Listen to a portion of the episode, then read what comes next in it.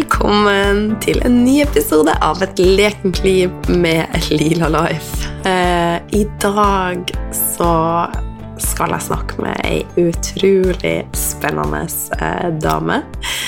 Eh, og eh, ja, har bare én ting å si glede. Eh, det har vært ei eh, litt sånn spesiell uke og innledning til denne samtalen. Det har vært litt spooky, egentlig. Forrige uke så satt jeg på soverommet mitt i Oslo under ei dyne og spilte inn episode. Lyden vei så som så. Uh, Nå sitter jeg i leiligheten min, og jeg har demontert alt som er, og rett og slett pakka meg sjøl inn i et litt sånn telt, som du kanskje husker man laga sånn da man var liten. Så sofaen står rundt meg, jeg har et tørkestativ rundt meg, og ja så her sitter jeg nå og prøver å få den perfekte podkastlyden. Jeg tror det blir bra, men det perfekte vet vi jo at det finnes ikke. Så bra ble bra. Men dagen etter eh, jeg spilte inn eh, forrige uke, så ble jeg plutselig syk, og jeg har ikke vært syk på 15 år, sånn type influensasyk. Eh, jeg lå pal med feber og ja, fikk vondt i bihulene og eh, Men tok livet veldig med ro et døgn da, sånn at jeg kom meg ovenpå igjen, men så hadde jeg ja, litt eh, tett timeplan med opplegg på ei folkehøyskole til sønnen min, og besøk som skulle komme, og lot ikke kroppen min få eh, den hvila som den trengte, da, for at jeg hadde så lyst til å være med på dette.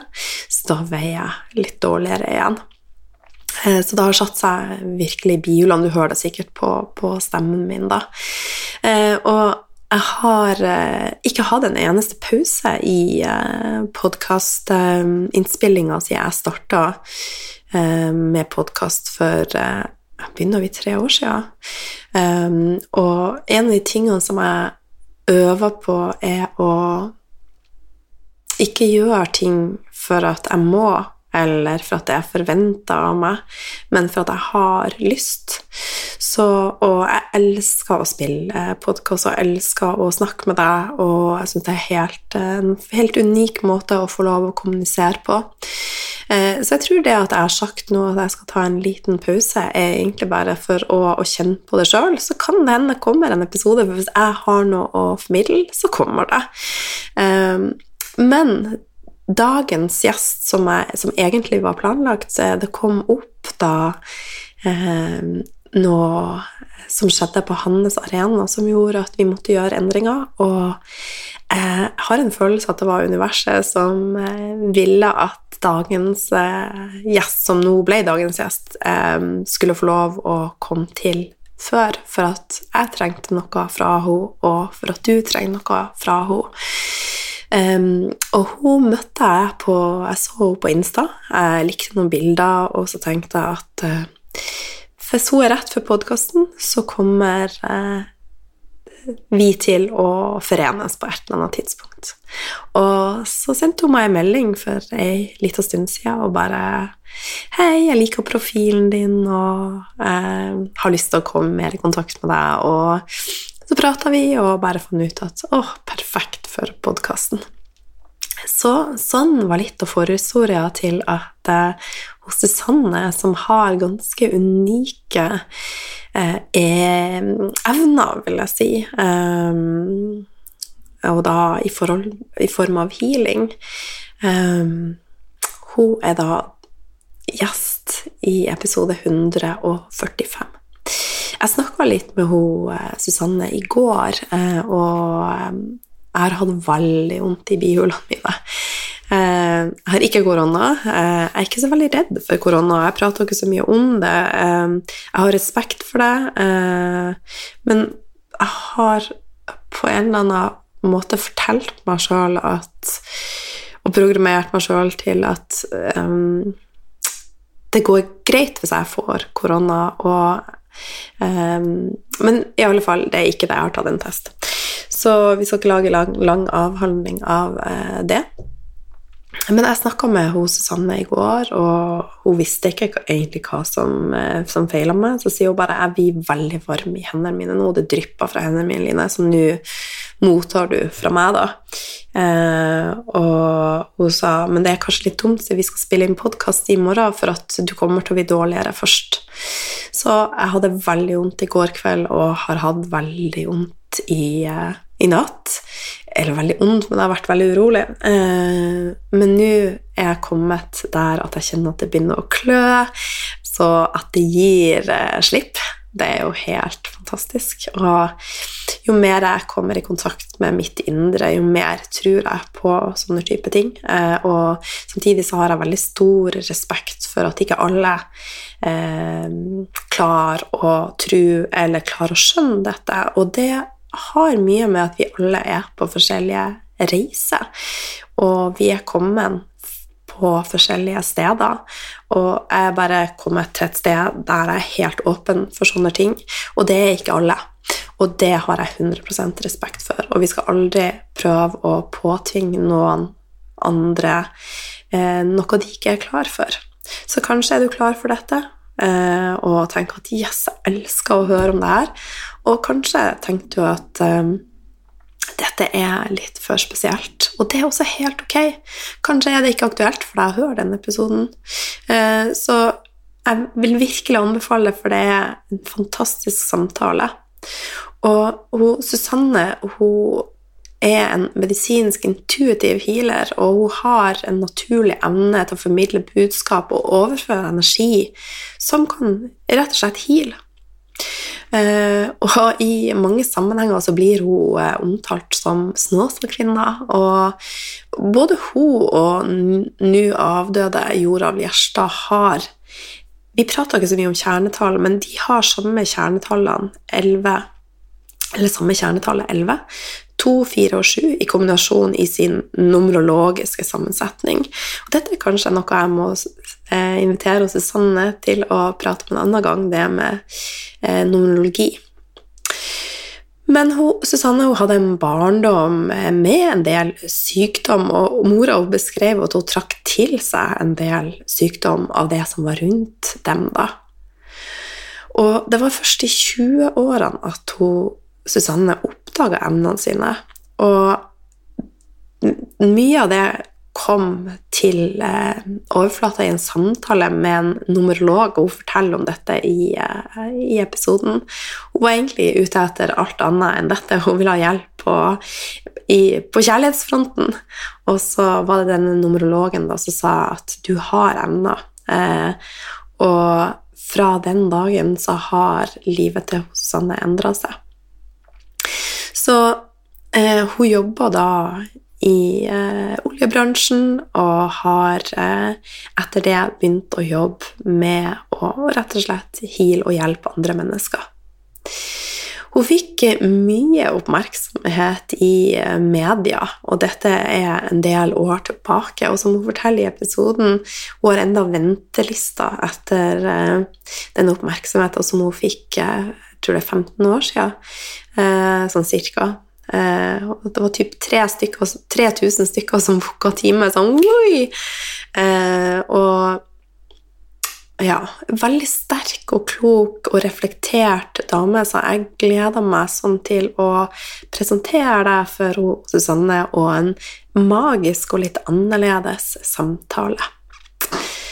Og det var veldig spesielt også å spille inn episoden med henne, for det var veldig mye som skjedde rundt meg. Det var på et punkt så var jeg litt nervøs, for det, var, det føltes som at leiligheten min rista, eh, og jeg hadde lyst til å si det når vi spilte inn. Men det føltes litt weird. Men jeg tenker at det, det Ja, nå sier jeg det.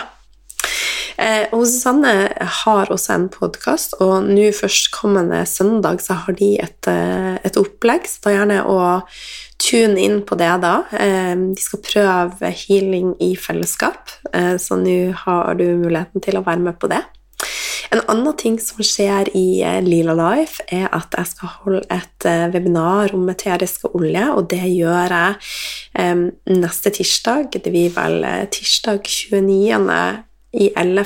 klokka 19.30, om jeg ikke tar helt feil. Jeg må sjekke på kalenderen min, så det er tirsdag 30.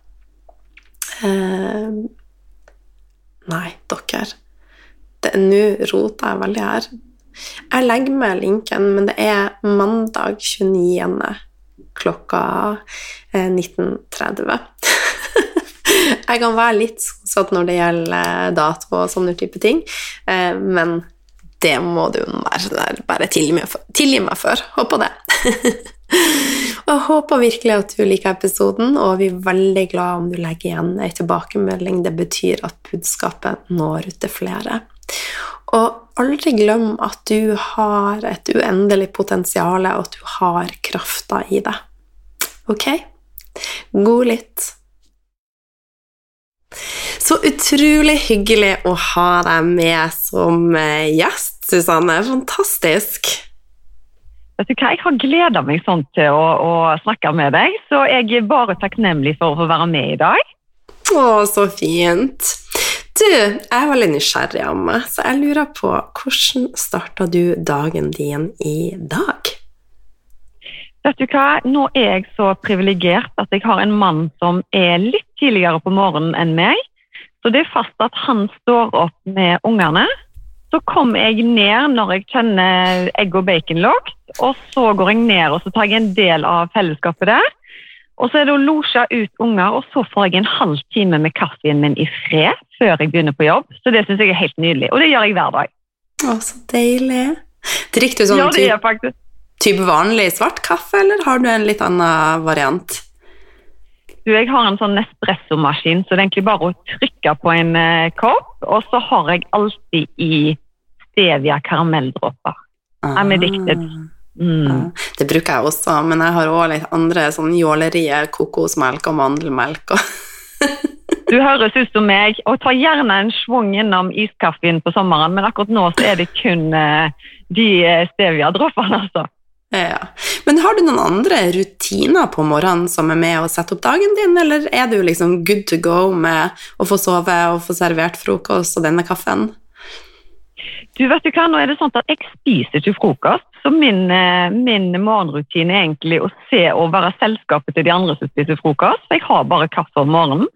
Så jeg pleier å faste fram til lunsj. Nå er jo egentlig kanskje ikke det fasting siden jeg har kaffe i dag, men eh, jeg er ikke så sulten om morgenen, så da tar jeg heller mitt første måltid lenger utpå dagen. Eh, men når du tenker på sånn faste rutiner utover det, så har jeg mine første klienter. De har jeg på telefon på morgenen. Og så har jeg en liten pause før jeg drar på kontoret. Så jeg har litt egentid hver eh, formiddag, altså. Ja, så fint, da. Veldig, veldig fint. Det er veldig herlig. Ja. ja. Men du, mm, det er ikke så lenge siden jeg kom over deg, og så jeg kom over deg via Instagram. Uh, og så tenkte jeg at uh, hvis det er meninga at hun skal være gjest på podkasten, så, så, hører jeg ifra henne. Uh, jeg lot bare universet liksom ordne opp det der. Og så begynte vi bare å connect, sånn at jeg er blitt litt kjent med deg. Jeg har gjort research nå til praten i dag, men det kan jo være at noen av lytterne ikke vet hvem du er. Kan ikke du ta og introdusere deg sjøl og fortelle litt om de reiser og eventuelle vendepunkt som gjør at du er der du er i dag? Det kan jeg selvfølgelig. Eh, som sagt, jeg heter Susanne. Jeg er nå 40 år gammel og har jobba fulltid som healer siden 2009. Eh, før den tid så jobba jeg innen markedsføring. Jeg var bl.a. markedssjef i et oljeselskap. Og det var jo da på en måte at jeg begynte å søke litt utover meg sjøl, og fant ut at det gjerne var en annen mening for det jeg skulle drive med. Selv om at egentlig forretningssans og det akademiske miljøet har vært veldig givende på mange områder, så kjente jeg egentlig på et litt dypere kall. da. Eh, men det var vel i 2008 det store vendepunktet i mitt liv eh, kom. Og da hadde jeg hatt en sånn vanlig dag på jobben og pleide alltid å liksom dra hjem og lage meg et måltid mat og heiv gjerne på TV-en eller musikk og sånn. Eh, men den dagen var på en måte litt annerledes, fordi når jeg kom hjem, så tok jeg meg i å gå på en måte rett forbi kjøkkenet. Jeg pleide alltid å stoppe der og lage meg et måltid. Men så satte jeg meg ned i sofaen. Og det var en helt sånn rar tilstand i hele leiligheten. Du kunne liksom hørt et sånn knappanål. Det, det, det var bare helt stille. Og plutselig så befant jeg meg akkurat som i en sånn meditativ, heter det vel, eh, tilstand. Hvor jeg følte jeg fikk en kontakt med en kraft som jeg aldri hadde gjort før. da. Og da begynte hendene mine rett og slett å brenne. Og de ble så varme at når jeg holdt hendene mine inntil dongeribuksa, så brant det nesten igjennom. Det var vondt å holde, holde de på buksa. Og så begynte jeg plutselig å kommunisere med en kraft som kalte seg Aurora. Eh, og som ga beskjed om at eh, nå er tiden inne for at du skal begynne å hjelpe mennesker. Hm. Eh, og fram til da så var jeg veldig vanlig, vil jeg si. Jeg var, jeg, eh, da var jeg blitt godt voksen, eh, singel, jobba på det tidspunktet i Radio 1 som markedsansvarlig der. Jeg eh, hadde vel ikke hatt så veldig mange usedvanlige opplevelser i mitt liv. Eh, annet enn at jeg var alltid, eller mente sjøl jeg var god i gjette på eksamensoppgaver. Gjette at naboen skulle skilles. Jeg var veldig god på gjetting generelt sett i livet mitt. Og på en måte var vel veldig klar over hvor viktig tankens kraft var. da. For Jeg følte jeg brukte allerede da livet litt som en katalog. at Det var liksom bare å bestille det, så skjedde jo det. Så om det var chicken and the egg, om at jeg visste det litt på forhånd, eller motsatt, er jo egentlig helt umulig å, å eh, si. Eh, men i hvert fall den dagen der så tenkte jeg aller først OK, nå har jeg tørna. Eh, hva skjer for noe nå? Eh, og i den sammenheng så begynte jeg å tenke på noen sånne rare ting, som en, en føflekk, blant annet. Det dukka opp en føflekk i hodet mitt, og det er i seg sjøl ikke så vanlig å tenke på. Og så hørte jeg navnet på en kollega sånn fem, seks, syv ganger på, på rad. Jeg tenkte dette var veldig merkelig. Og så tikker det inn en SMS kanskje fem minutter etterpå, hvor denne kollegaen skriver en melding at han kan ikke komme på møte fordi han skal operere vekk en føflekk. Mm. Og da tenkte jeg wow, hva er det egentlig som eh, foregår her? Så fra den dagen så var vel Susanne litt mer sammensatt enn det hun var før den dagen, om vi kan si det sånn, så. Ja, så utrolig eh, spennende, men det måtte jo også ha vært litt skremmende. Vet du hva, Det spørsmålet har jeg fått så mange ganger. Og det som var så utrolig, var det var ikke skremmende. For første gang på egentlig hele mitt liv da, så følte jeg meg som meg. Men samtidig så visste jeg jo òg det at hvis du nå går til naboen og forteller at du, nå har jeg hatt en samtale med en usynlig person som heter Aurora, så nå kan du bare sende meg direkte inn på syk, og så kan de kaste nøkkelen der.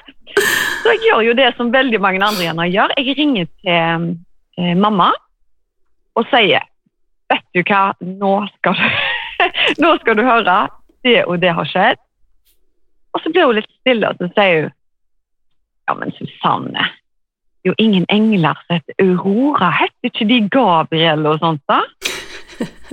Og da tenkte jeg ja, men det er jo ikke akkurat poenget, mamma. Poenget er om jeg har tørna, tørna eller ikke. Eh, og da holdt hun seg helt rolig og så sa hun det at for mange år siden Susanne, så var jeg hos en klarsynt mann. Og han sa noe som festa seg veldig hos meg, og jeg har aldri delt det med noen av dere. Og det var det at Den eldste dattera di kommer til å ringe deg eller komme hjem og fortelle noe viktig, at hun har hatt en veldig spesiell opplevelse. Og da skal du tro henne, og det kommer til å være utrolig viktig for både hennes liv og ditt liv. Mm. Så vi landa litt i det at dette her var det nok en eh, plan bak. Og jeg hadde jo bare noen uker i forkant hatt en eh, telefon med en numerolog. Eh, egentlig fordi jeg sto litt sånn fast i livet. Eh, ikke på de vanlige tingene som jobb og venner og sånn, men jeg var på jakt etter kjærligheten. Hadde vært singel noen år og hadde litt romantiske følelser for en kollega, så jeg bare venta at han skulle få en åpning og gi beskjed om at det selvfølgelig Det var jo meg og han. Men da skjedde det jo fint lite, så da måtte jeg ta grep og begynte å google. da. Finne ut noe med horoskop eller litt sånn. Og så kom jeg over noe som heter numerologi, som jeg aldri hadde hørt om før, og forsto fort at det var lærende om tall, da. At de tar din på en måte tallkode fra navnet og fødselsdato, og så regner de på en måte ut din identitet ut ifra de tallene. Det syns jeg var veldig spennende, og tok en liten sånn egen test på nettet, men forsto egentlig lite av det. Så jeg ringte numerologen. Og hadde selvfølgelig spørsmål om kjærlighetslivet mitt, men hun svarte jo ikke på det i det hele tatt. Hun var ikke interessert i det. Men hun sa at eh, du har en helt spesiell kraft i deg, og den må du bruke. Og jeg tror egentlig ikke jeg hørte helt hva hun sa, for jeg var litt sånn Ja, men eh, hva med han kollegaen eller noen andre der ute? Eller, og hun bare feide det vekk. Hun vil oppleve noe helt spesielt som har med hele din visjon i livet å gjøre. Mm. Så jeg var nok litt skuffa når jeg la på, for jeg var jo ikke noe klokere.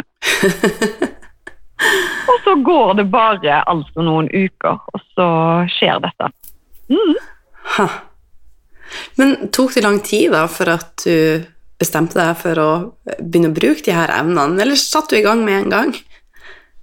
Vet du hva, Jeg har prøvd å tenke litt tilbake, men jeg begynte nok å sette i gang med en gang. Eh, og det rykta seg veldig fort. Jeg husker en av de første jeg da heala, var en nabo som hadde vondt i magen. Og hun sa vet du hva, det skjer noe helt sykt med hendene dine når du legger det på her. Altså, eh, hvordan har du lært dette? Og jeg hadde jo ikke lært det, jeg bare på en måte intuitivt banka på døren hans og så sier hun 'Å, når jeg ligger sjuk', og så begynte vi på en måte der. Mm. Så begynte egentlig smitteeffekten, altså. Så um, det ble bare flere og flere som hørte om meg eh, på relativt kort tid. Og så får jeg en telefon fra NRK som ønsker å ha kontakt med meg. Og det er fordi at flere har tatt kontakt på ulikt hold og fortalt om denne dama i eh, Stavanger som har helbredende emner.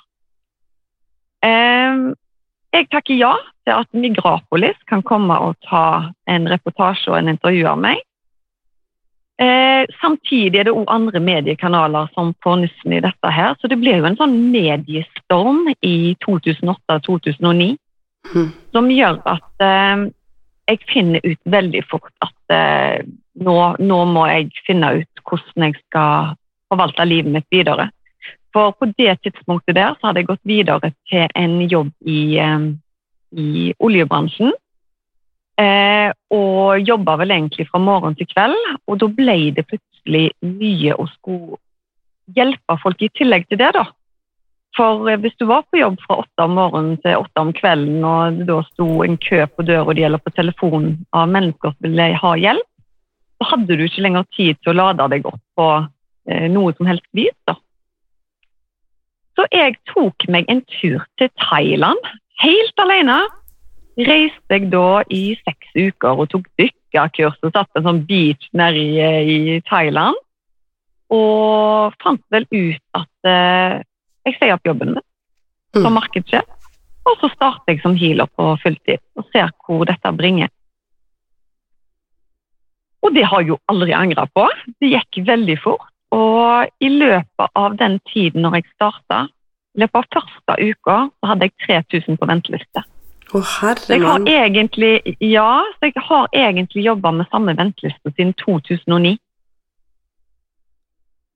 Ja, det er jo helt og vilt. De, ja, ja, altså, og tenker tilbake på egentlig hva jeg sto i da, så tror jeg at eh, jeg må nok ha hatt mye hjelp av en usynlig kraft. For det å stå stødig i seg sjøl i en sånn en eh, eh, heftige periode. det tror jeg kan ta piffen ut av de fleste. Men det ga meg bare et enormt giv altså, til å finne min retning og hjelpe så mange som mulig. Mm. Fantastisk. Og du kjenner den her altså, given fortsatt? Dette, dette er liksom ditt kall? Du vet hva, det blir bare kjekkere og kjekkere og kjekkere. Og um, jeg har nå, eh, nå, nå hadde jeg faktisk en periode i fjor hvor jeg hadde en ryggskade, helt selvforskyldt, hvor jeg da tar litt for mye knebøy og sånn. Eh, så jeg måtte sykemelde meg, og det, det var langt innenfor inne for healeren. Altså, du føler jo nesten en sånn dårlig propaganda at nå er healeren syk. Hvordan skal jeg på en måte legge det fram? Men jeg hadde en enorm spirituell utvikling i den tida der. Og når jeg kom tilbake, så vil jeg si at jeg hadde dobla min kapasitet i å hjelpe andre. Jeg ble Mm. ikke sliten på, på samme måte lenger. Så nå har jeg faktisk dobla antall klienter som jeg tar en daglig. Fantastisk. Men, Men det samtidig det jobb. så tenker jeg jeg må være flink å sette grenser og sånn, men det tror jeg jo du er. Jeg, jeg tror jeg har blitt det, og det er jo fordi at jeg går litt inn og ut av healer-rollen. Jeg er veldig healer på jobb. Eh, og så er jeg vanlig kjedelig mamma utenom jobb.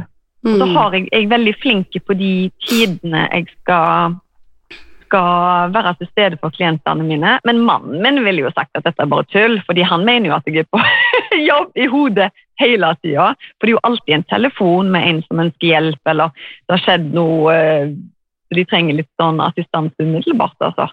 Og da tar du telefonen, telefon, eller eh, setter du av og til telefonen på flymodus og bare lar deg være deg sjøl? Um, jeg skulle ønske nå at jeg var en sånn spirituell person som sa at vet du hva, den setter jeg på flymodus, og så prioriterer jeg meg sjøl og mine. Men det vil jo være reinspekka løgn. Så nei, jeg gjør ikke det. Men jeg tar aldri telefonen uten arbeidstid, men jeg svarer på SMS. Det gjør jeg. Ja. Ok. Mm. Og det er Mm. litt sånn ansvar jeg føler jeg eh, har, da. Og det er ofte ikke så mye som skal til hvis noen er litt nede. Få en liten sånn eh, støttetommel opp på at jeg ser deg, og at jeg, jeg jobber med deg. Hmm. Det viktigste er jo at du har det bra i prosessen, så ja. samtidig som du gjør det du skal. da. Ja, det, det er jeg. også. jeg vel Jeg er veldig god på ferie. Jeg er rå på ferie. Jeg kunne vært oftere på ferie, har jeg funnet ut. Så hvis jeg og familien min skal virkelig lade batteriene, så er det jo å ta fire uker i Thailand. Det, det er noe med hele Thailand som gjør at eh, vi bonder på et helt sånt unikt nivå. Det er liksom bare ren harmoni når vi er i Thailand. En harmoni som ikke finner noen andre steder. Så jeg tror jeg lader veldig mye opp i disse feriene mine nå, da. Ja. Kanskje du har eh, vært i Thailand i et tidligere liv? Helt sikkert. Det må jeg òg være. Ja, det tror jeg. Men du, kan du fortelle litt om hva det vil si å ha healende evner? Altså, hva, hva innebærer det? Ja, det, det må vi jo snakke om. Eh, I starten så visste jeg jo egentlig ikke helt hva det innebar sjøl, for jeg hadde jo aldri tatt noe kurs i det eller lest meg opp på det. Og det har jo vært mye av mitt kjennetegn òg, at jeg har på en måte hele tida hatt min intuitiv prosess. da. Mm. Og jeg har følt meg fram ettersom tiden og dagene og årene har gått. Men i starten så var det veldig gøy, fordi da kjente jeg fysisk på kroppen hvor andre hadde vondt, f.eks. Mm. Så helt tidlig i min eh, karriere, når jeg begynte å kjenne på evnene mine, så sto jeg i heisen med en mann, og jeg fikk så vondt i tanna. Jeg tenkte vet du nå er det rett for den tanna detter ut. Wow. Eh, og vanligvis så ville jeg jo ikke sagt noe til den personen i, i heisen. Har du vondt i tanna? For jeg har vondt i tanna. Det høres jo litt, litt spesielt ut. Men så visste jeg litt hvem han var, fordi at han jobba i samme bygningen som meg. Og da sier jeg litt sånn forsiktig ydmykt jeg må bare spørre deg, har du veldig tannpine? Han vet du bare eh, Ja, jeg er på vei til tannlegen nå, faktisk. Fordi jeg har fått en forferdelig eh, verkebull i munnen. nå. men du kunne ikke se noe på utsida at han var hoven eller noe sånt. Da tenkte jeg bare herlighet, er det egentlig som, som er i gang nå? Og når han gikk ut ifra heisen, så begynte hendene mine å dryppe. Og da visste jeg intuitivt at når hendene mine begynner å dryppe, så er det infeksjon som er på vei ut. Og jeg møtte denne mannen to dager etterpå, og da hadde bare tannpinnen forsvunnet. Han eh, kom til tannlegen og de sa at de skulle se på det, men så trengte han ikke begynne på pillene engang. Så det var jo helt fantastisk. eh, og i veldig intensiv periode etterpå så var det sånn satt du på bussen, så kjente du gjerne at du hadde vondt i skuldra, og da var du veldig frista til å spørre den ved siden av om du vondt i skuldra, eller vondt i hodet, eller eh, hva det skulle være. da. Men etter hvert så ble det mer en mental ting. At jeg kan ikke lenger nødvendigvis fysisk, eller jeg kan det òg, men at jeg får en sånn mental eh, informasjon om hvor smertene sitter. da. Mm. Så istedenfor at jeg nå kjenner fysisk på min kropp at en person har vondt et sted, så vet jeg det. Det er akkurat som de har skrevet meg en SMS. 'Jeg har vondt i skulderen'. Så tenker jeg ja, ja, men det vet jeg jo. Du har vondt, du har vondt i skuldra. Så det er én del av eh, min kraft. En annen del er at jeg eh, kjenner veldig temperaturforskjeller i hendene mine. De blir isende kalde, litt sånn likfingre, eller de blir kokende varme. Jeg har òg en sånn mellomfase, men de fleste reagerer veldig på temperaturforskjellene. Mm. Og bare meg og deg nå snakker om det, så blir mine hender iskalde. Og da er det mine hjelpere som kommer springende til med en gang. Og vel så nå sitter jeg litt sånn, eh, fordi da tenker de automatisk at nå trenger hun vår hjelp. Bare fordi jeg snakker om hendene mine. Så det er et annet aspekt av eh, kraften. Så er det jo rett og slett dette her at eh, jeg kjenner fort hva prosesser folk har vært igjennom. Får en del årstall, f.eks., eller hendelser i livet som har innvirkning på den vi er i dag, da, på godt og vondt. Mm. Så hvis du f.eks. Eh, I ditt tilfelle så dukka jo året 2007 opp. Jeg kan òg få opp eh, f.eks. 2004-2007 rundt deg. Og da trenger det ikke være at det har vært fæle ting som har skjedd, men det kan være litt sånne ekstreme endringer i livet, som at vi får barn, eller at vi flytter, eller at vi skifter jobb, eller at vi kan oppleve noe traumatisk som et tap. Mm. Um, og noen ganger så kan en klient si til meg at eh, nei, jeg kjenner meg ikke igjen i det årstallet.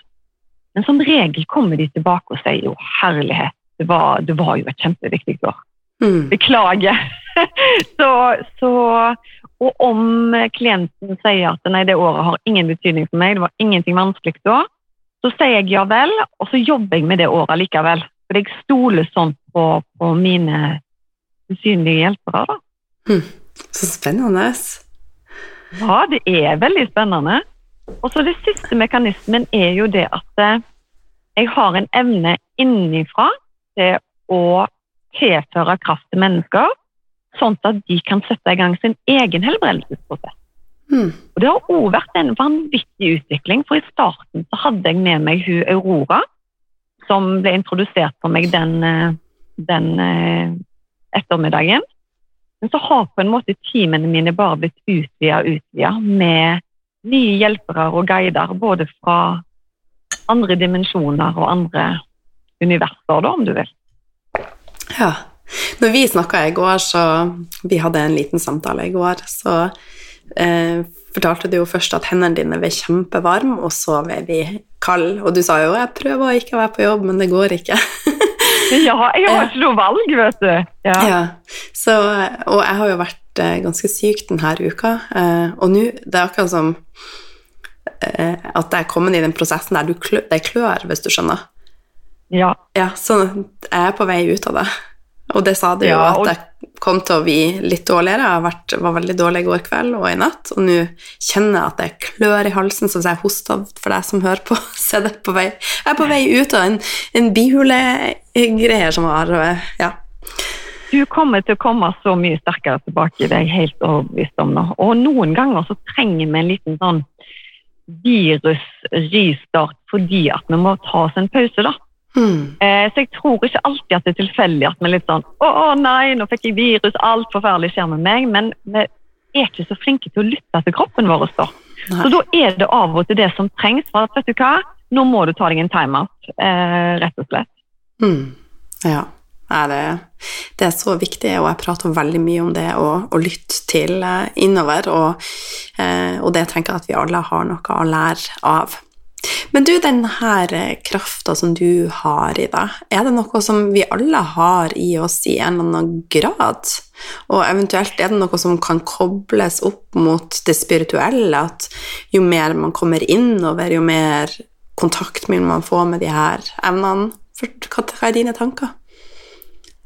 Vet du hva, det tror jeg du har veldig rett i. Jeg pleier av og til å forklare det litt som at eh, de aller fleste mennesker har to bein og har muligheten til å springe. Mm. Eh, Vi har alle forskjellig forutsetning i forhold til hvor fort vi kan springe, både pga. muskelmasse, kroppsfasong, evnen, lyst, ikke minst. Men de aller fleste får til å springe en runde rundt stadion hvis de ønsker det. Men så har du de som er bare bygde for det. De er lette på foten, de har en helt sånn drive på innsida og blir gjerne olympiske mestere fordi alt ligger til rette for dem. da. Men de jo må gi en innsats. De trenger øving for å bli førstemann til mål. da. Og jeg tror vi, det er akkurat det samme med healingkraften. Jeg tror han bor i oss alle. Noen har større forutsetning for å få kontakt med han. Mm. Skal gjerne ikke så mye innsats til, de bare ligger for dem. Mens andre må jobbe mye hardere for å på en måte finne sitt indre healingpotensial. da. Men når det er sagt, så er det ikke sånn at den fotballspilleren som var best når han var syv år, nødvendigvis er den beste når han er 25 år. Nei. Noen har bare gønna på 'dette skal jeg få til'. Så jeg mener at eh, the world is the limit. altså. Du må bare søke innover og ha tro på at kraften er tilgjengelig. For vi trenger ikke nødvendigvis å forstå elektrisitet for å koke oss poteter. Eh, vi trykker på knappen, og så bruker vi det. Eh, og jeg tror altfor mange av oss søker svar hele veien Mm. på at ja, men jeg er nødt til å forstå det for å bruke det. Mm. Men jeg fant ut veldig tidlig at det gidder jeg ikke. Eh, Da kan jeg kaste vekk vanvittig mye tid på å ikke utrette noe. Så hvis jeg har fått overlevert en gave, nesten sånn med elektrisitet, bare bruk det, så gjør det hverdagen din og andre sin mye bedre, så har jeg valgt å bare gjøre det. Istedenfor å så tvil om at ja, men er det nå så funker jo veldig bra den gamle metoden med å gjøre opp ild og så styre der òg, men det er jo mye mer krevende. Så jeg er for å ta snarveier selv om vi ikke forstår det. da. Hmm. Men Ga det mening? Ja, absolutt. Jeg, jeg tenker at jeg har full respekt for, for det. Eh, Men så kommer vi ikke utenom at folk er så forskjellige. Noen bare må ha det, liksom. De kommer aldri til å tro på dette, for de bare må ha det liksom skriftlig, og de har forska på. Og, eh, men jeg er jo akkurat samme type som du. Eh, og, men samtidig så har jeg respekt for at det vil være mennesker som er skeptiske. Eh, for det, vil, det, det regner jeg med du møter på din vei, folk som tenker at dette er for godt til å være sant, dette er bambus. Dette er bare tull. Selvfølgelig. Men jeg tror, eh, hvis vi tar tilbake til det du spurte om det er noe som bor i alle, om alle på en måte kan utvikle krafta, da, Mm. så tror jeg nok du må ha tillit til kraften for å få ta brukeren. Er du en skeptiker som ikke tror på healing, så tror jeg ikke du vil bruke mye ressurser på å tilegne deg kunnskap om det heller. Nei, nei, nei. Altså, jeg tror ikke du sitter da og dyrker Vet du hva, jeg tror jeg blir healer jeg i eh, neste år. Altså, Du kommer aldri til å være inne på tanken engang, fordi du, du er ikke åpen for det. Eh, men skeptikere, det møter jeg selvfølgelig hele veien. Ja. Men heldigvis så opplever jeg det at eh, For det første så har jeg en bakgrunn fra det akademiske. Eh, at jeg har en, eh, en grad hvor jeg har jobba i olja som markedssjef og hatt en del kollegaer i bransjen.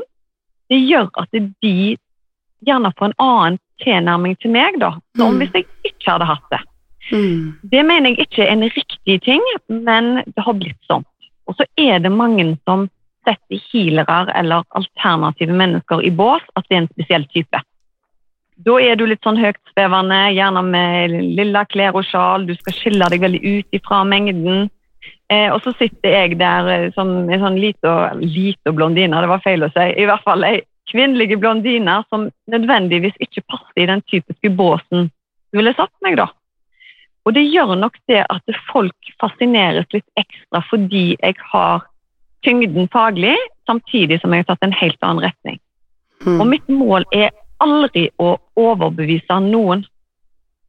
Den eh, tiden er forbi. Jeg hadde mine partytriks før i tida hvor jeg hadde som visjon å overbevise folk, men jeg fant ut at deres overbevisning det kan ikke ligge på mine skuldre. Det er noe de må gå i seg sjøl og finne ut av sjøl. Så får Mm. jeg gjøre det jeg kan for andre, og så får de som ikke ønsker å forstå eller ikke ønsker å lære mer om emnet, de, de får bare være i den krafta de er. Mm. Høres veldig fornuftig ut.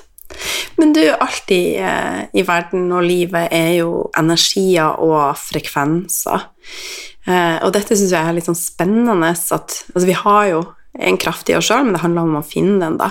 Men når du går inn og healer, hva er det som skjer energetisk? Eh, Har du noe eh, formening om det? Åh, Det er et veldig godt spørsmål, og det er noe som har egentlig forandret seg underveis i min prosess. òg. I starten så hadde jeg jo ikke peiling. Da var det egentlig 'Å, velkommen inn til mitt kontor, la teamene mine jobbe og se hva som skjer'. Eh, men etter hvert så skjønte jeg det at eh, alle mennesker har på en måte sine unike koder Mm. sine unike frekvenser hvor de vibrerer helt spesielt. Så når, når jeg går inn på energikroppen, så begynner jeg alltid med å heve energinivået og frekvensnivået individuelt. Og da får jeg alltid hjelp av mine usynlige venner til å si hvor klienten skal ligge både energimessig og frekvensmessig.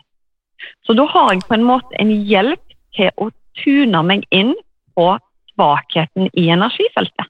Mm. Jeg vet ikke hva de ulike frekvensene betyr. Det har jeg aldri forstått, og jeg kommer aldri til å forstå det heller.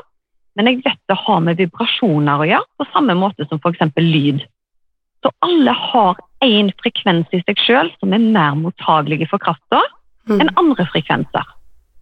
Og jeg kan gjerne sammenligne det litt med musikk.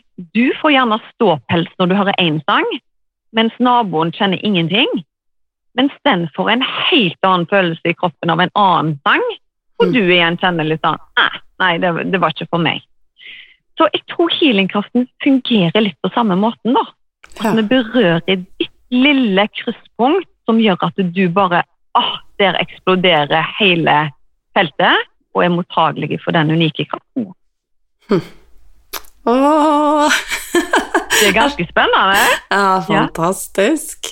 Så, men hva tenker du om eh, tankenes kraft? Altså, hvordan spiller det inn? Eh, hva kan vi sjøl gjøre med tankene våre? Så?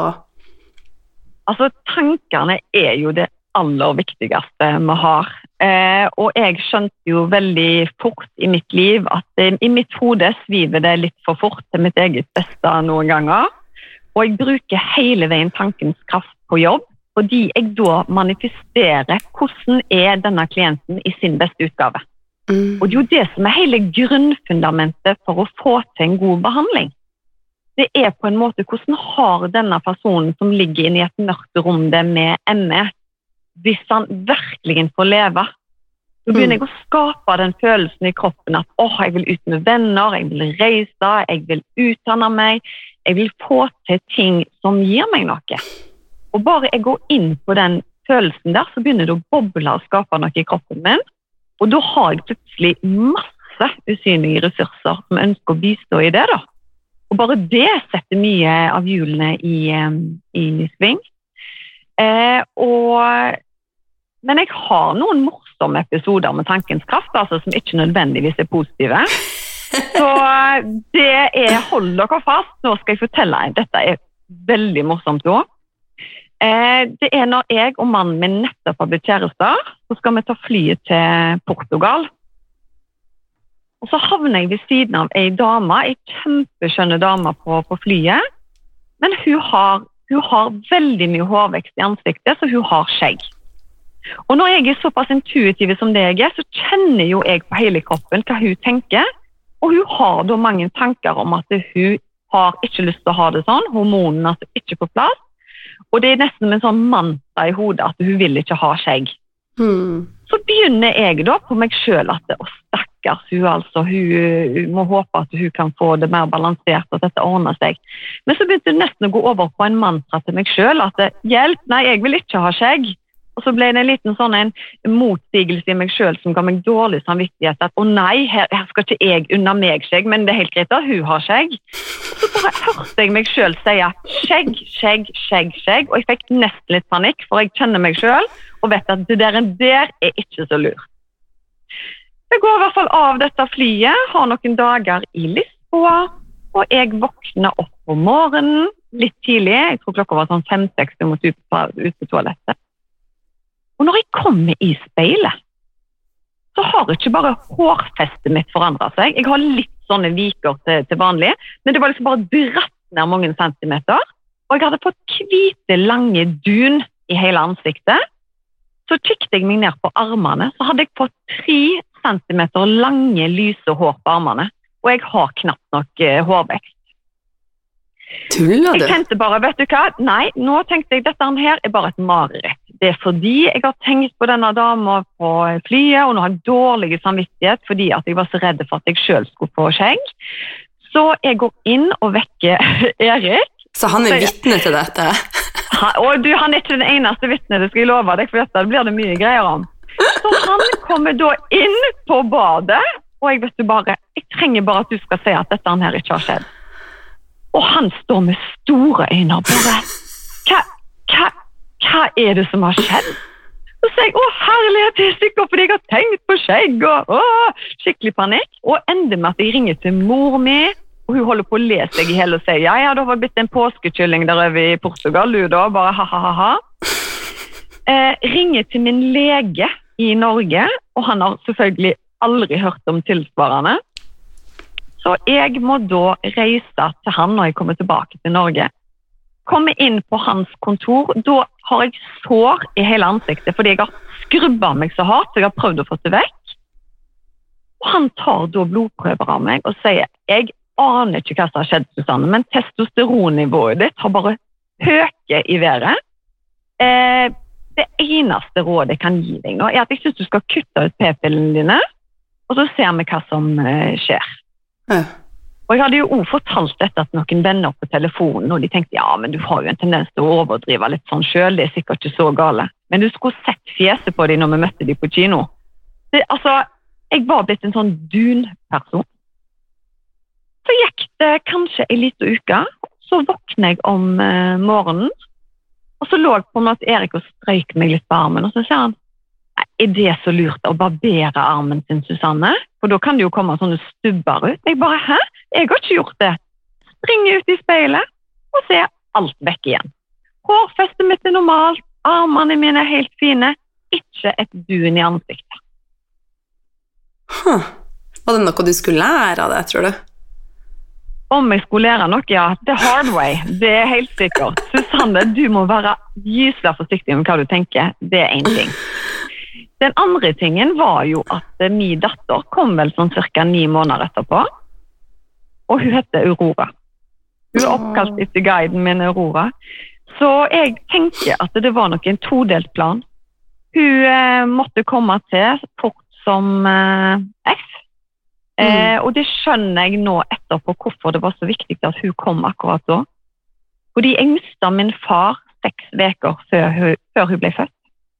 Eh, og hun ble jo min redning på alle områder. For du hadde ikke muligheten til å grave deg ned i grava når du skulle ta ansvar for et annet lite menneske. da. Så jeg tenker at den opplevelsen med hele The Secret, som egentlig blitt en kjempemorsom historie i dag, eh, var veldig viktig. Fordi det ga meg en indikasjon på at noen ganger skjer det deg urett, men vi har en større plan.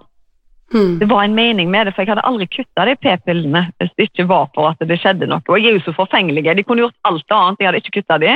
Men når det kom på utseendet i ansiktet til til Susanne, så ble jeg jo helt desperat. Gjør jeg alt dere sier. Så det er en av de eh, festlige historiene med det. Huh. Fascinerende. Ja, det er jo det. Det er godt jeg har vitner, hvis ikke hadde jeg ikke trodd på det sjøl. Men her det jo et Altså, tankene eh, var med og spilte deg et pust, da. Eh, men hvordan beskytter du deg fra andre sin energi og sykdom? For at eh, jeg så et intervju at mora di sa at i barndommen så du dratt til deg ganske mye sykdom. Mm. Eh, og, og det tenker jeg òg igjen i dag. at det var, det var liksom ikke sånn i oppveksten at jeg tenkte å, så heldig jeg er for å få gå gjennom alt dette elendet her. Men jeg ser jo det at det har gjort meg mye sterkere i dag, da, fordi du kan sette deg inn i mange mennesker sin situasjon, fordi jeg har vært mye syk, og jeg har kjent på dette på, eh, på kroppen, da.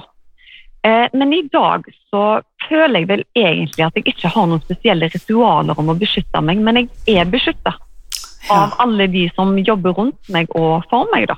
Mm. Og de beskytter meg ikke alltid på den måten jeg ønsker, for jeg slipper ikke alltid unna, jeg heller.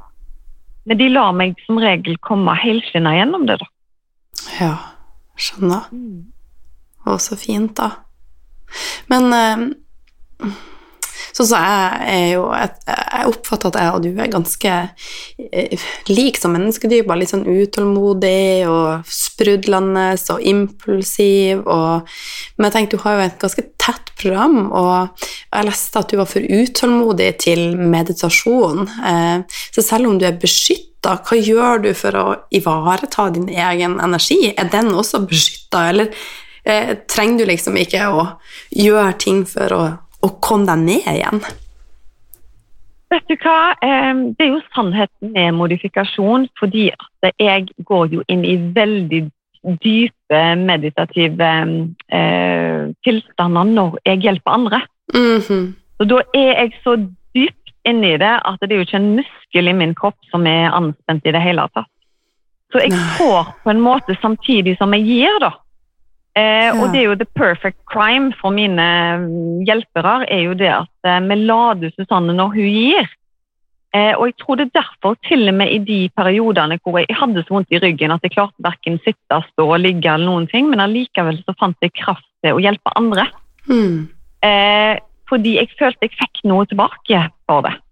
Ja. Så eh, jeg lander veldig i jobben min og får påfyll der. Absolutt. Og så har jeg òg en sånn såpebobletaktikk som jeg automatisk har rundt meg hele veien. Ja. Og Det legger jeg òg til alle mine klienter. og Det er litt sånn en eh, boblekuppel hvor jeg sier at det, de elementene som påvirker en positivt, har evne til å trenge gjennom denne såpeboblen, mens de elementene som virker tappende, holdes utenfor. Så Det er en sånn mantra jeg går i meg sjøl, og òg bruker mye tid på når jeg healer andre. Okay. Sånn at vi på en måte skal utnytte kraften i oss sjøl til å tiltrekke oss det vi trenger da, mm. for å bli mer balanserte, men holde vekke det som, som tapper. Ja. Men det høres Og så har jeg veldig, en veldig veldig viktig ting for meg, og som jeg mener alle andre òg bør gjøre en innsats på sjøl. Mm. Jeg er mye mer beskytta for sykdom, for stress, for ytre påvirkning av negativt slag når jeg spiser riktig. Mm. Så riktig mat er alfa og omega. Mm. Og jeg spiste meg frisk for mange år siden med å forstå den uh, mekanismen der. Og jeg ja. mener ikke at det er et fasitsvar for alle, for alle kropper er forskjellige. Men jeg tror alle egentlig vet hva som gjør de godt, og hva som ikke gjør de godt. Mm. Og der tror jeg også det handler litt om å, å finne denne roen i oss sjøl, for da vil vi på en større måte og en større grad klare å kjenne hva er rett for oss. For hvis systemet står bare her og vibrerer, så det er vanskelig å, å kjenne og re, vanskelig å ta rette valg. Så eh, Helt sant. Mm. Mm. Men hva er sånn typisk mat som du spiser, da? Jeg lever veldig lavkarbo. Mm. Så jeg har vel ikke spist Jeg har ikke spist korn siden 2012. Mm. Så jeg spiser mye egg, kjøtt, fisk og grønnsaker. Og så har jeg en forkjærlighet for bringebær. Jeg klarer meg ikke en dag uten bringebær. Det er helt sånn sykt. Altså, det, det, er liksom sånn Mann av huset. Mannen får nesten panikk hvis det ikke er bringebær i, i fryseren. Så det, det, er min eh, store Jeg kan ikke kalle det last, men uh, og med masse sånn digg sjokolade på som jeg lager hver dag. Så tar jeg kokosa i mikroovnen, og så tar jeg litt steviadråper og råkakao og rører. Og så heller jeg det da over kalde bringebær, sånn at det blir litt sånn crispy sjokolade på toppen. Med litt ah. kokosflak og litt nøtter. Altså, jeg er i himmelen. Det kan jeg spise flere ganger til dag. Ah, er det sånn type snacks eller frokost, da? Vet du hva, Jeg bruker det som både dessert og kvelds- og mellommåltid og alt. Jeg. Altså, så lenge jeg har det tilgjengelig, da, da er jeg på den, altså. Ja. Eh, og jeg er jo et veldig vanedyr, så jeg kunne ha spist det samme for resten av livet. Jeg, tror jeg. jeg er liksom veldig tilfreds med det jeg liker, og så trenger jeg ikke så mye nytt, egentlig. Nei. Spiser ikke sukker. Nei, det gjør ikke jeg heller. Så, men jeg er jo vidt eh, Når jeg bor i Oslo, så bor jeg liksom midt mellom Happy Foods og Oslo Rå. Altså, de har jo masse sånne type ting, kake og sånne ting som er laga lavglykemisk med ekte råvarer. Så det er jo så deilig. Oh, fantastisk. Det er ingenting i Stavanger. Jeg går jo mann av huset for å få tak i noe som er lavt nok på karbohydratene. Altså. Så, og jeg er ingen sånn bakeperson. Jeg sitter liksom og følger disse her lavkarbobloggerne, og du er jo kjempeflink med mat og sånn. Men så jeg, så når det kommer til stykket, så har jeg så lite tid at å stå og kokkelere for meg sjøl, det er jeg ikke god nok til. Nei. Og det er på samme plass. Altså det, tidligere gjorde jeg det mer, men det er liksom Ja, jeg prioriterer litt annerledes, så da kjøper jeg det altså, og gjør det enkelt. Så Mm. Men nå har du jo sagt at eh, altså du er på en måte beskytta, og du får en slags meditasjon når du healer andre. Um, og du spiser for å ivareta deg sjøl. Spis glad, sunn mat. Men er det andre ting du gjør for å være den beste versjonen av deg sjøl? Ja, det tror jeg nok det er. Jeg eh, må gå tur i frisk luft. Mm. Det var noe jeg ikke likte verken som barn eller ungdom. Gå tur det var så waste of time. Og det er nesten som å møte seg sjøl i døra, for dattera mi er jo helt lik. Mm. Det liksom, Du ser bare rullegardinen i øynene med en gang du sier at 'Å, nå skal vi ut på familietur'. Det er bare det verste som kan skje. Men i dag så får jeg så masse påfyll av å komme meg ut. Eh, det trenger ikke være på fjellet eller ute i skogen. Jeg kan bare gå en god tasketur med en god podkast på øret. Det syns jeg er helt fantastisk. Mm. Og så er jeg veldig glad i fysisk aktivitet. Ja. Så jeg har trent eh, ganske hard styrke og crossfit en del år, men så var det denne ryggen min da, som gikk på en smell for et års tid siden. Så jeg er på vei tilbake, men tar det nå mye roligere. Mm. Så nå må jeg lytte til, lytte til kroppen, og jeg tenker nok at mine hjelpere så tendensen til at eh, jeg levde ikke lenger balansert. Jeg Mm. trente og trente og trente fordi det ga meg et boost, men så glemte jeg at vi trenger restitusjon. Um, og jeg hadde vel ikke lyst til det heller, selv om jeg visste at jeg trengte det fordi det var så gøy. Men så skjønner en at en ikke er 18 lenger, men 40, og at kroppen gjerne trenger trenger mer ro og hvile, og det er ikke noe gøy å sammenligne seg med strekinger på 18, men vi skal ikke sammenligne oss. Vi må, vi må forstå at vi blir eldre og gjerne trenger litt andre ting enn det vi gjorde før. Mm. Og det er kjempeviktig. Så nei, eh, det å lytte til kroppen er det er alfa og omega, og jeg har gått på de samme, jeg elsker å trene styrke. Men med en gang jeg blir for ivrig og kjører for hardt på, så får jeg en skade. Så jeg har liksom lært at eh, for meg så Jeg kan trene styrke, men jeg må gjøre det ganske sånn moderat. Åh, vet du hva, jeg, jeg føler sånn med deg der, for jeg har vært 100 runder med meg sjøl. Men når det er sagt, så når jeg da plutselig ikke kunne trene en periode, jeg fikk litt treningsforbud fra, fra legen fordi jeg hadde noen mikrobrudd i ryggen som måtte gro, Mm. så ble jeg jo litt sånn Og så var jeg jo sykemeldt fra jobben i, i tillegg, fordi jeg, måtte, jeg gikk på en sånn kur hvor jeg måtte ligge flatt, og det var, var sånn opplegg. Men i hvert fall da så fikk jeg plutselig mye tid til over, og da våkner jeg opp en morgen og bare Jeg skal starte podkast, for nå må jeg snakke om det jeg kan, og det jeg driver med, og spre budskap om denne fantastiske kraften som er der. Så jeg snakker med mannen min og sier du er den perfekte sparringspartneren. Hva om jeg og deg drøfter våre opplevelser innen det spirituelle, både med min jobb og oss som familie og våre opplevelser, til de som skulle hatt behov eller ønske om å, om å lytte. Mm. Så da starta vi uhøytidelig spirituell, for nå hadde jeg tid til å prate istedenfor å bare trene og jobbe. Så det ble òg et vendepunkt for meg. altså. I juni starta vi jo den podkasten, da. Åh, så fint. Så det kom noe positivt ut av det òg. Ja. Ja. men det er bra, og det tenker jeg alt i livet handler om, å klare å, å se sola selv når det regner, og så se hvilken retning skal dette lede meg inn i, og hva er det, hva er det verden prøver å fortelle meg nå? Så det er alltid et eller annet der. Så eh, ja. Men du, hva er spiritualitet for deg? Spiritualitet for meg er å komme i kontakt med noe vi ikke kan se, ta og kjenne på. Mm. Eh, spiritualitet er noe som er større enn en sjøl, og hvor en kan søke trøst, jeg kan Mm. søke påfyll, jeg kan søke informasjon. Det er på en måte en helt altså en parallell verden der ute da, som er bare proppa med påfyll på egentlig alle arenaer. da. Mm. Så for meg så er kroppen og sinnet vårt bare en bitte liten del av hvem vi egentlig er på sjelenivå. Så for meg er spiritualitet å ta det større del i en sjøl. Og den krafta en egentlig besitter. Mm. Det er så mye mellom himmel og jord, så eh, ja. Det var en veldig fin forklaring også, og satt fint eh, ord på det, syns jeg.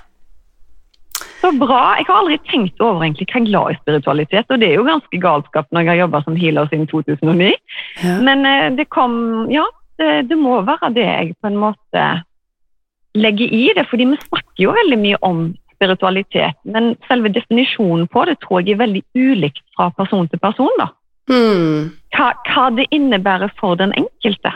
Hmm. Og Da kan vi jo bevege oss inn på dette med religion, og sånt også, men jeg tror at vi alle trenger troen på at det er noe større. Men så har noen lagt noen rammer innen religion, sånn at det skal bli lettere å forholde seg til. det. Mm. Mens jeg velger å være flytende der, at jeg vil på en måte være sann til meg sjøl Ja. og den gode kraften der ute. Og så får på en måte andre velge sin vei, da. ja. Og det er så, så riktig. Hmm. Og jeg tror jo også, som du sier, at eh, Ja, når vi tenker på noe større, så er det liksom Gud, men det finnes jo Hva er Gud? Så det er jo et Gud kan være så mye. Det trenger ikke å være knytta opp mot religion eh, i det hele tatt. Så eh, nei, jeg tror det er viktig at hver enkelt person går inn i seg sjøl og tolker hva er det for meg. Mm. Så, eh, men du, eh, jeg ser at eh, tida hun, altså, Vi har prata nå snart en time, og jeg syns tida bare har fløyet. Eh, men helt på tampen, er det noe som du kjenner at du har lyst til å, å snakke litt mer om, som du vi ikke har vært igjennom, men som du tenker er viktig, og som vil være av verdi for lytterne? Oi, oi, oi. Som, altså, det er jo så mye egentlig det kunne vært. Men det jeg på en måte var litt inne på, er det at jeg opplever at eh, mange er på søken i det spirituelle. Eh, vi ønsker å finne mer svar i oss sjøl og utenfor oss sjøl, men mange er fremdeles redde for å snakke høyt om det. Mm. Det er fremdeles veldig privat det en opplever spirituelt, fordi en er redd for hva andre skal si. Mm. Og jeg har opplevd til tider at det kan være mer stuereint å snakke om sexlivet sitt på fest, kontra å si at du er spirituell. Mm. Da får du fort et sånn himlende øye fra kollegaen eller litt sånt, og herlighet, hun har tørna helt, hun og hun der, liksom høyt svevende. Men jeg tror òg at vi er i et skille i dag som gjør at slørene mellom de parallelle verdenene blir bare mindre og mindre. Mm. Så jeg tror etter hvert nå at det vil være en styrke å spille på mye større felt i hjernen vår, som ikke bare er den klassiske faktatenkeren. Vi har et mye større sanseapparat der ute, og jeg tror at det vil være mer status etter hvert å si at jeg spiller på alle strengene jeg har i meg sjøl. Jeg bruker både tanker, følelser, fornuft eh, i å gjøre meg opp meninger, da. Mm. Og på en måte ikke avfeie andre sine opplevelser. Mm. For opplevelsen er din, og den er det ingen som kan ta fra deg. Og jo mer vi tør å snakke om disse tingene her, jo viktigere kan du bli for andre som òg igjen kan åpne seg, da. For hvis en lærer av f.eks. en kollega at de har hatt en god spirituell opplevelse, er det kanskje lettere å teste det ut sjøl enn at eh, folk er negative om det. Mm. Ja, helt eh, klart. Det var et veldig fint, eh, fint innspill på, på tampen. Så Du, jeg har et aller siste spørsmål til deg. Ja. Ja, ehm, la oss si, nå vet jo du at jeg har eh, problemer med bihulene, du vet litt om meg, men hvis dette var vårt første møte, og vi, du bare satt overfor meg, og eh, du, du visste ingenting, kan du da bare ut fra din eh, kraft kjenne hva jeg trenger? Ja, eh, det kan jeg veldig ofte. Mm. Eh, nå stiller jeg jo aldri noen diagnoser, men i forkant av en healingtime så tar jeg en såkalt skanning. Mm. Det vil si at jeg da på en måte kobler meg opp på energifeltet ditt, og så blir jeg på en måte informert eller guidet til de stedene i kroppen hvor ting eh, stopper opp. da. Mm. Eh, og i ditt tilfelle så kunne jeg ha kommet med en del ting jeg nå på løpende bånd, men det går utover taushetsplikt og, og eh, sånne, sånne ting. Eh, men da hadde jeg hatt en klar plan om hvor vi skulle begynne å rydde, eh, og hvor jeg ville lagt eh, planen framover. da. Ja. Så eh, sånne fysiske symptomer de tar vi veldig fort, men vi går òg inn på gamle tankemønstre, ting vi har slitt med tidligere som gjerne har satt et sår i sjelen. da. Mm. Som er nødvendigvis f.eks. Eh, det er sånn, å, veldig tenkt eksempel, da. Men, men sier du f.eks. har eh, hatt problemer med mat eh, tidligere i livet, så er det ikke sikkert at det har gjort fysiske skader på tarmene, men jeg kan se i energien at det har gjort noe med på sjelnivå. da. Altså et Mm. sår på sjelen som vi trenger å bearbeide enda mer. Og jeg kan fort se at å, her er det noen som har jobba godt med seg sjøl, vi har kommet et steg videre, men arret er der allikevel.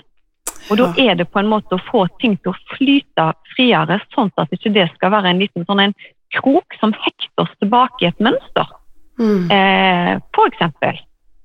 For det tenker jeg jo vil påvirke frekvensen, det at det ikke er en Yes, Det blir liksom som en bølge som står og slår mot en stein. absolutt. Da har du, da har du skjønt det, det helt, altså. Mm. Så vi har alle merker i kroppen vår, den fysiske, og på sjelen, Mm. som eh, vi noen ganger må plastre godt igjen for at det skal flyte bedre, og at en skal komme seg videre. da. Ja. Mm. Og der er det jo også eh, shadow work, tror jeg jo, hvis du kjenner til det. Ja, Ja, så der tror jeg òg man jobber litt med, med, med altså rett og slett med sår på sjela og komme litt dypere, men jeg tenker at eh, det tar jo ganske lang tid, så da vil jo healing være noe som kanskje er mer litt sånn mer spot on, og ja. mm. Men det er jo så så fint. trenger vi ikke alltid ja, Beklager nå avbryter jeg det, men vi Mm. trenger ikke alltid å vite hvor såret er heller. Av og til får jeg bare beskjed om at nå er vi et team her som skal inn og rydde opp i hennes gamle skjeletter i skapet. Mm. Og det er den informasjonen jeg får, mens andre ganger så kan det være veldig spesifikt. Hvor jeg får bilder, kjenner lukter, kjenner opplevelser. Og det er òg noen ganger jeg til og med ser eh, tidligere liv. At det her går det så langt tilbake at eh, det er ikke nødvendigvis historien i dette livet som er dominerende, men tilbake i tidligere liv. Og Da Mm. kan folk være åpne for det, eller ikke åpne for det, men det har ingenting å si. Folk er opptatt av at eh, så lenge jeg blir bedre i min helse og min tilstand, så har det jo ingenting å si hva jeg som healer opplever eller ser. Nei. Veldig viktig. Du, jeg skulle gjerne ha skravla i det uendelige med deg, eh, men nå ser jeg at tida springer fra oss, og jeg vet at du skal på jobb, så jeg skal respektere tida di. Men du, hvor kan lytterne treffe deg? Dere kan komme inn på healersusanne.com, og jeg har òg en Instagram-konto der. Så det er veldig kjekt om dere vil lytte til oss på både Spotify og andre arenaer du hører på podkast, og det heter Uhøytidelig spirituell. Åh. Du, tusen takk for at du har delt så åpenhjertig. Det har vært fantastisk å snakke med deg. Helt fantastisk. Tusen takk, det var veldig kjekt også å få være med, og du er jo bare en nydelig sjel, så det er bare en sann fryd å gå inn på dine energier. Å, takk.